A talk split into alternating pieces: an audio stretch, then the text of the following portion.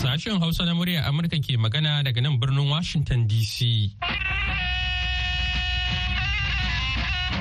Masu sauraro Assalamu alaikum barkanmu da wannan lokaci. Muhammad Hafiz Baballa ne tare da sauran abokan aiki muke farin cikin gabatar muku da wannan shirin da wannan safiya ta Asabar.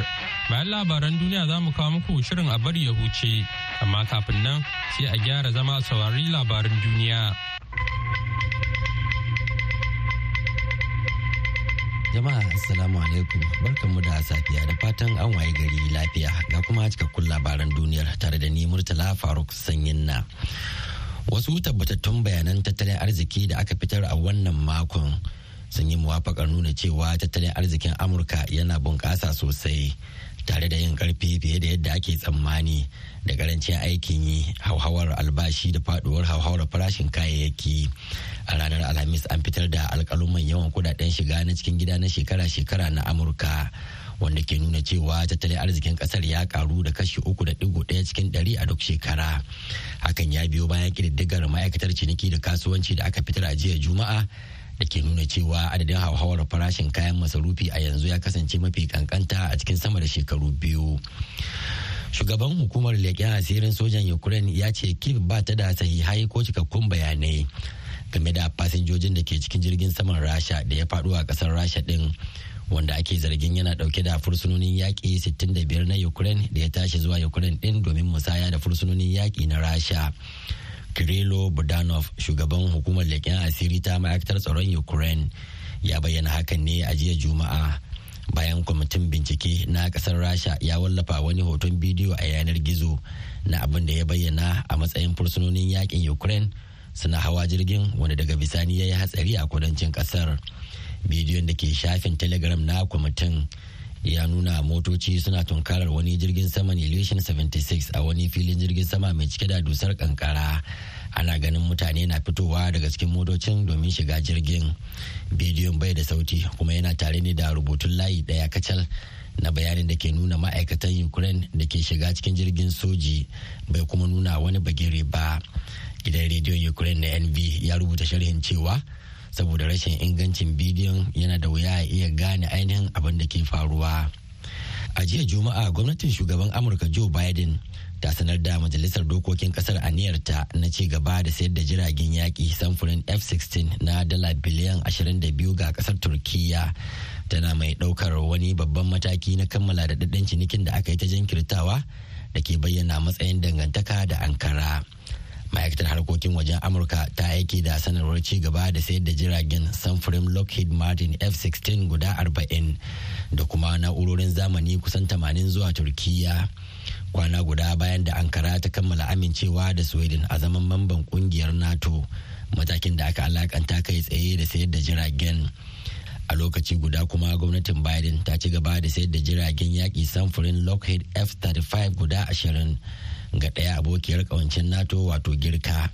Yarjejeniyar dala biliyan 8.6 da washington ta ci gaba da yi yayin da take ƙoƙarin daidaito tsakanin membobin ƙawancen biyu da ke da tarihin rashin jituwa da juna. Tun a watan oktoban shekara ta 2021 ne turkiya ta fara neman jiragen. Amma jinkirin da ankara ta yi na amincewa da kudirin sweden na shiga ƙungiyar kawancen nato ya kawo babban cikas ga samun amincewar majalisar dokoki na sayar da jiragen. Labaran na zuwa muku ne daga nan sashen hausa na muryar amurka a washington dc wata kotu ta umarci tsohon shugaban amurka donald trump da ya biya diyar kuɗi dala miliyan 83 da uku ga marubuciya e. Jean carroll saboda kalaman batanci da ya yi a kanta lokacin yana shugaban kasa carroll ta gurfanar da trump a gaban kotu a shekara ta 2019 saboda badanci kan da'awarta na cewa ya ci zarafinta a cikin ɗakin sauya tufafi na wani kantin sayar da kayayyaki a cikin shekarun 1990 ta nemi diyar akalla dala miliyan goma daga wurin trump tana mai cewa ya bata mata suna a matsayinta na 'yar jarida. Kotun mai alkalai tara da suka ƙunshi maza bakwai da mata biyu ta yanke hukuncin ne jiya juma'a a birnin new york. Masu fashin baki na cewa akwai yiwuwar sabon daftarin dokokin da tarayyar turai ta sanar a wannan makon za su iya yin illa ga kayayyakin da china ke fitarwa idan aka amince da su da kuma ƙara yin tsamin dangantaka tsakanin beijing da brussels dokokin waɗanda aka bayyana a ranar laraba na da manufar kare tattalin arzikin ƙungiyar da kuma kiyaye fasaha mai muhimmanci daga fadawa hannun abokan hamayyar yankin siyasa.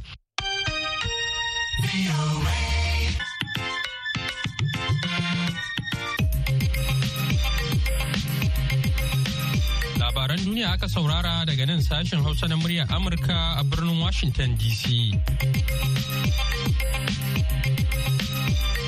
Yanzu kuma sai a gyara zama domin jin shirinmu na gaba.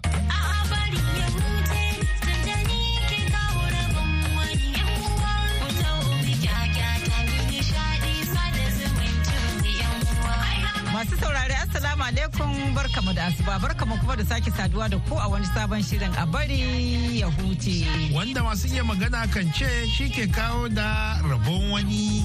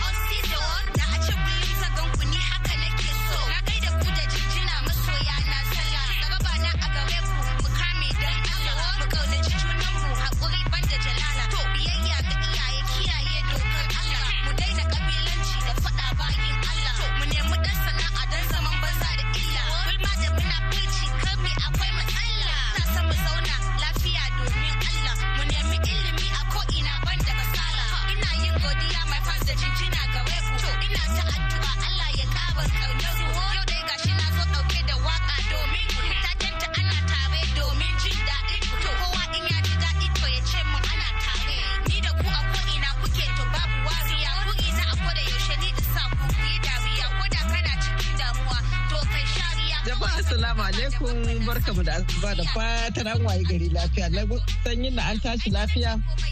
Lafiya kano malama Grace ya aka ji da ƙarshen mako shi kuma wanda ya zo shi kuma da abin nan nashi nashi nashi zubi daban.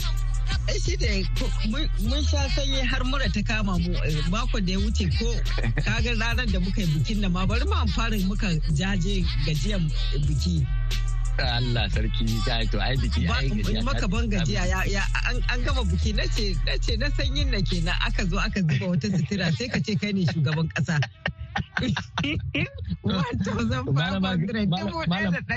dubu ɗaya da ɗari ga ce eh? Na sanyi da ka ce wani eh, shugaban karamar hukuma.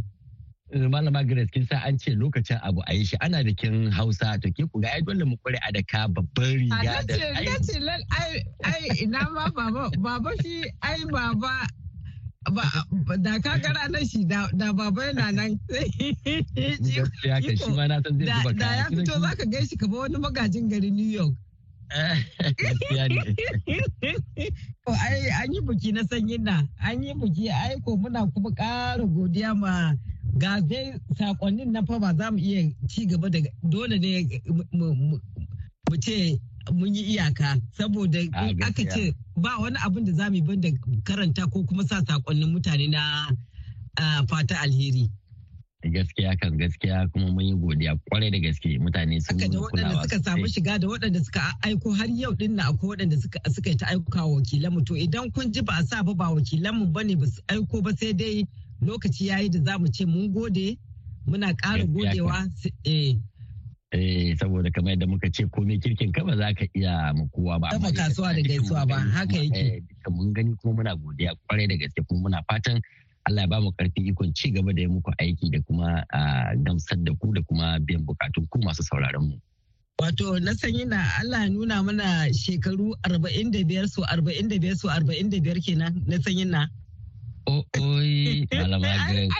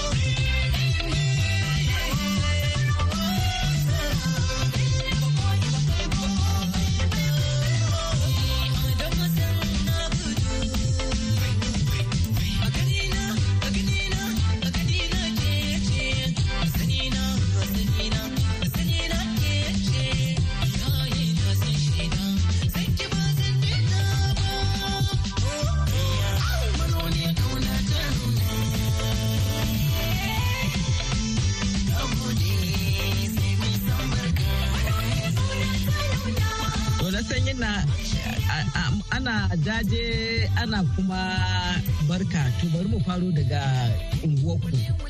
Eh to haka ne gaskiya a malama Grace muna taya murna a madadin tashi Hausa na muryar Amurka da kuma musamman fili a bari ya huce zuwa ga wato hukumar gudanarwa ta jami'ar Usmanu Danfodiyo ta Sokoto da kuma musamman wato tsohon kwamishinan watsa labarai na jihar Sokoto kuma tsohon babban darakta DG kenan na hukumar kafafen yada labarai ta Najeriya wadda aka fi sani da NBC a Dr. Nasir Dalla da Bako kogunan Sokoto wanda da shi da wato tsohon shugaban ita wannan jami'a din Farfesa Risko Arabu Shehu suka jagoranci kafa gidan rediyo na wannan wato jami'a domin koyar da ɗaliban masu koyon aikin jarida da sha'anin watsa labarai wanda aka fi sani da Odus Campus Radio. Muna taya su murna wannan dai ya sami tashi kuma an so ne aka soma don haka muna taya su murna kuma muna fatan Allah ya sa ya amfani al'ummar da aka yi shi domin su. Mun samu abokan tafiya kenan ko na sanyin na. Kwarai da gaske mun samu abokan tafiya. Tun da kin san dama jami'ar Usman Dan Bodio ai tana ɗaya daga cikin masu taimakawa sashen Hausa musamman abubuwan da suka shafi a amtoshin tambayoyin ku ne da duk dai wasu abubuwa da muke abin nan a ƙwarai jami'ar Dan Bodio kuma kin san tana daga cikin jami'o'in da suka taimaka suka yi haɗin gwiwa da sashen Hausa na muryar Amurka wurin kawo ma masu sauraron mu muhawara tsakanin 'yan takarar gwamna a zaɓen nan da ya gabata idan zaki tunawa. Haka. Haka to muna musu fata alheri su ma muna musu addu'a su ga 45 su 45 su 45. Eh ƙwarai da gaske to alhamdulillah to kuma kamar yadda kice ana jaje za mu yi gaisuwar ta'aziyya ga wakiliyarmu da magaramta jamhuriyar Nijar wato Tamar Abari bisa ga rasuwar gwaggon su Hajiya Ayyu mahaifiyar Alhaji Yahaya Manbur. An ita dai wannan ɓoye Allah kamar da muka sani ta rasu ne kwanaki uku da suka gabata kuma yau asabar din malama Grace yau ne za a yi addu'ar uku saboda haka muna gaisuwar ta'aziyya ga Tamar Abari da kuma musamman shi iyali dangi duka da ɗaya da ɗan marigayar Alhaji Haya Manbur da kuma dukkan iyalai da 'yan uwa da fatan Allah ya bata hutawa lafiya kuma Allah ya sa makomata aljannace kuma Allah ya ba da hakurin wannan rashi da aka yi. To amin sun amin Allah kuma ya kyautata namu ƙarshen duka. To a gurguje na san da bari mu sada zumunci a mu miƙa gaisuwa fata alheri ta a bari ya huce. zuwa ga masu sauraron mu a yau da kullum za mu fara da wannan sako da ya fito daga hannun Bilyamun Abubakar mafaran Garangi wanda yake so a miƙa mishi gaisuwar fata alheri da sada zumunci ga kanin shi Iliya da kanwarsa Halimatu sai 'ya'yan shi Muhammadu Barga da ɗan Jimma Goje matarsa Aisha mahaifiyarsa ita ma sunanta Aisha. To Allah ya sa eh, Aisha da Aisha ne. Ya ce da aka fi sani da 'yar buga ko 'yar buga ce ko? Na sanyi na 'yar buga. Sai kuma mijinta baba ɗan hajiya da duk jama'an mafara. To da ba Grace uh, haka kuma kamar yadda muka sani uh, mun sami saƙonni da dama daga masu sauraron mu a wannan makon da dama daga cikinsu kuma mun samu mun isar da su. saboda haka muna godiya ƙwarai ga waɗanda suka aiko mana waɗannan sakonnin akan ra'ayoyinsu kan rahotannin da muke wato watsawa daga cikin akwai Hamidu Kalalabuwa jihar Difa da Malam Ango malamin makaranta ya wuri. da Malam Umaru Kamba ya wuri da Sama'ila Aganas Malam Fatori mazaunin Difa a jamhuriyar Nijar.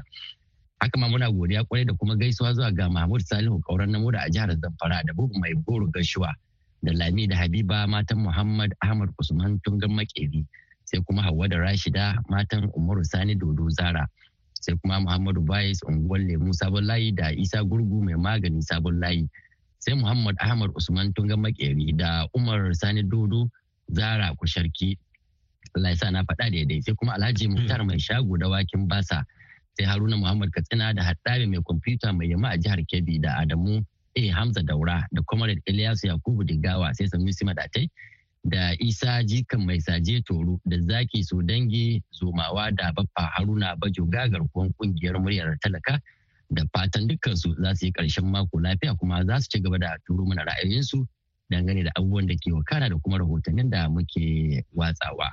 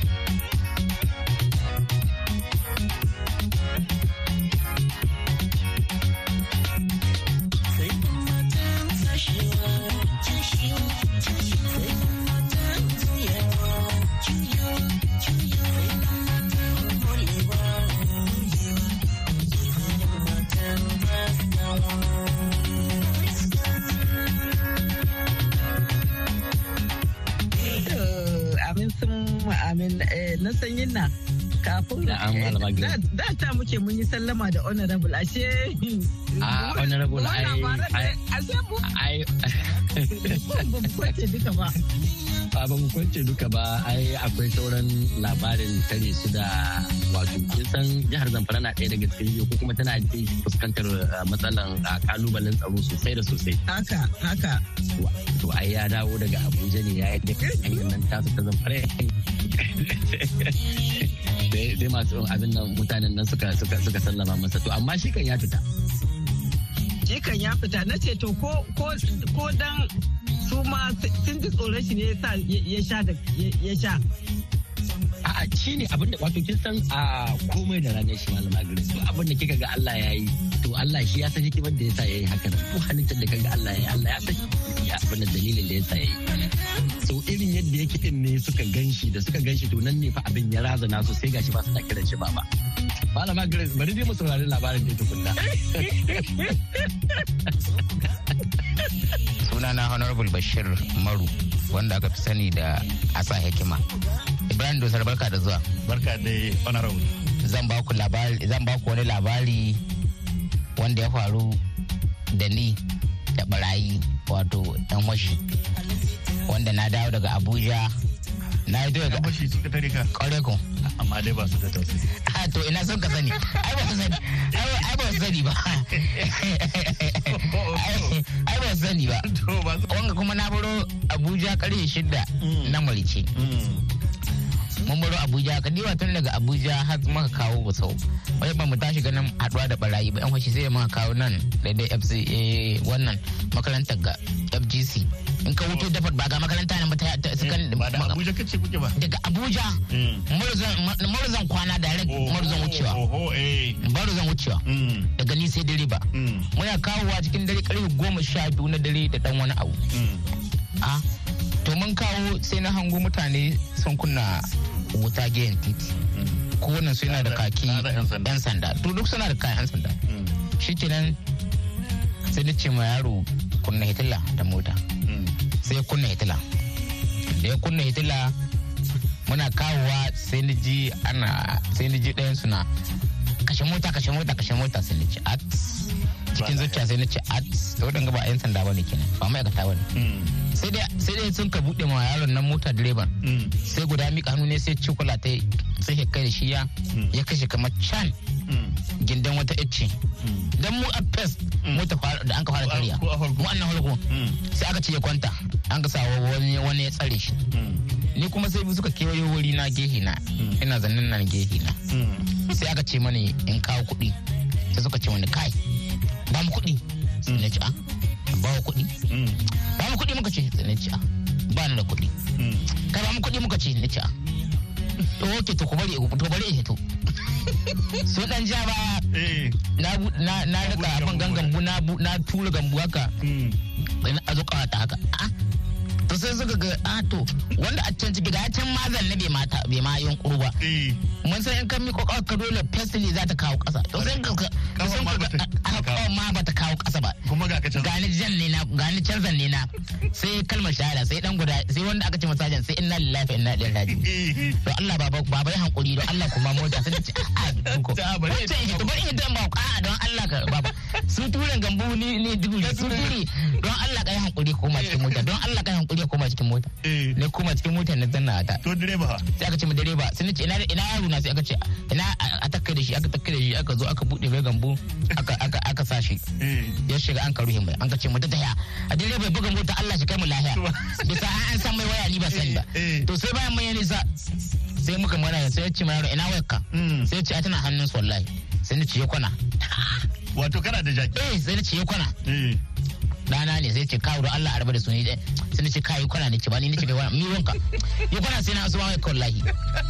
Sai muka yi kwana. Da goyi kwanan mu sun ɗauka wasu baki ne. Sai an kai an kai haka. Ana ana ana ana haka da Hitler.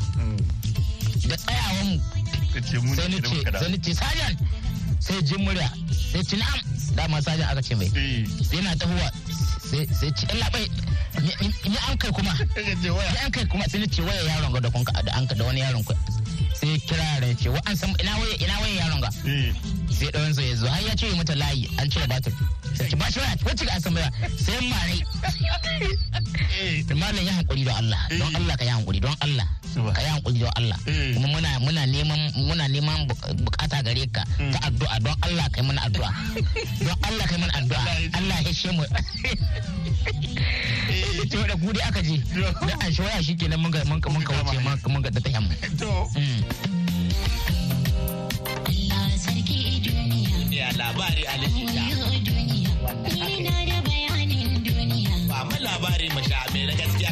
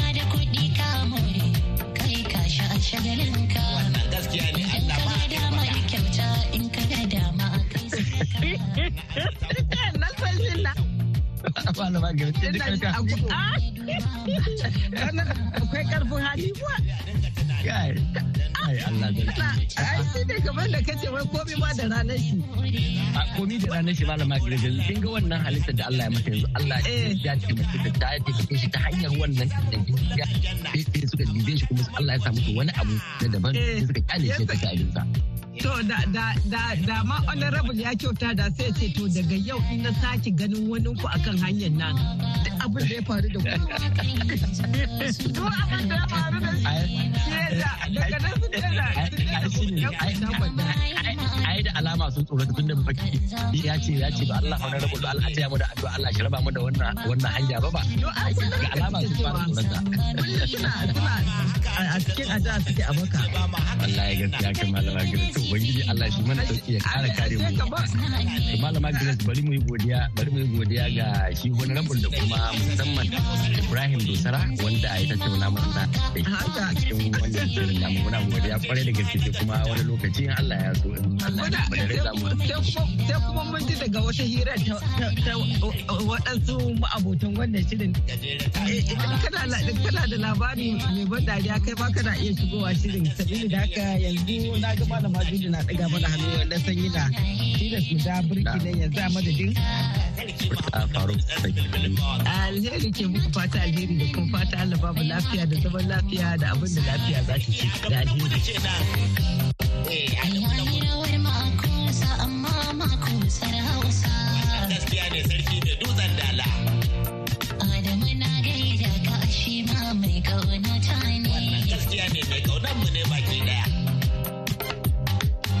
din mai san kowa ya so ya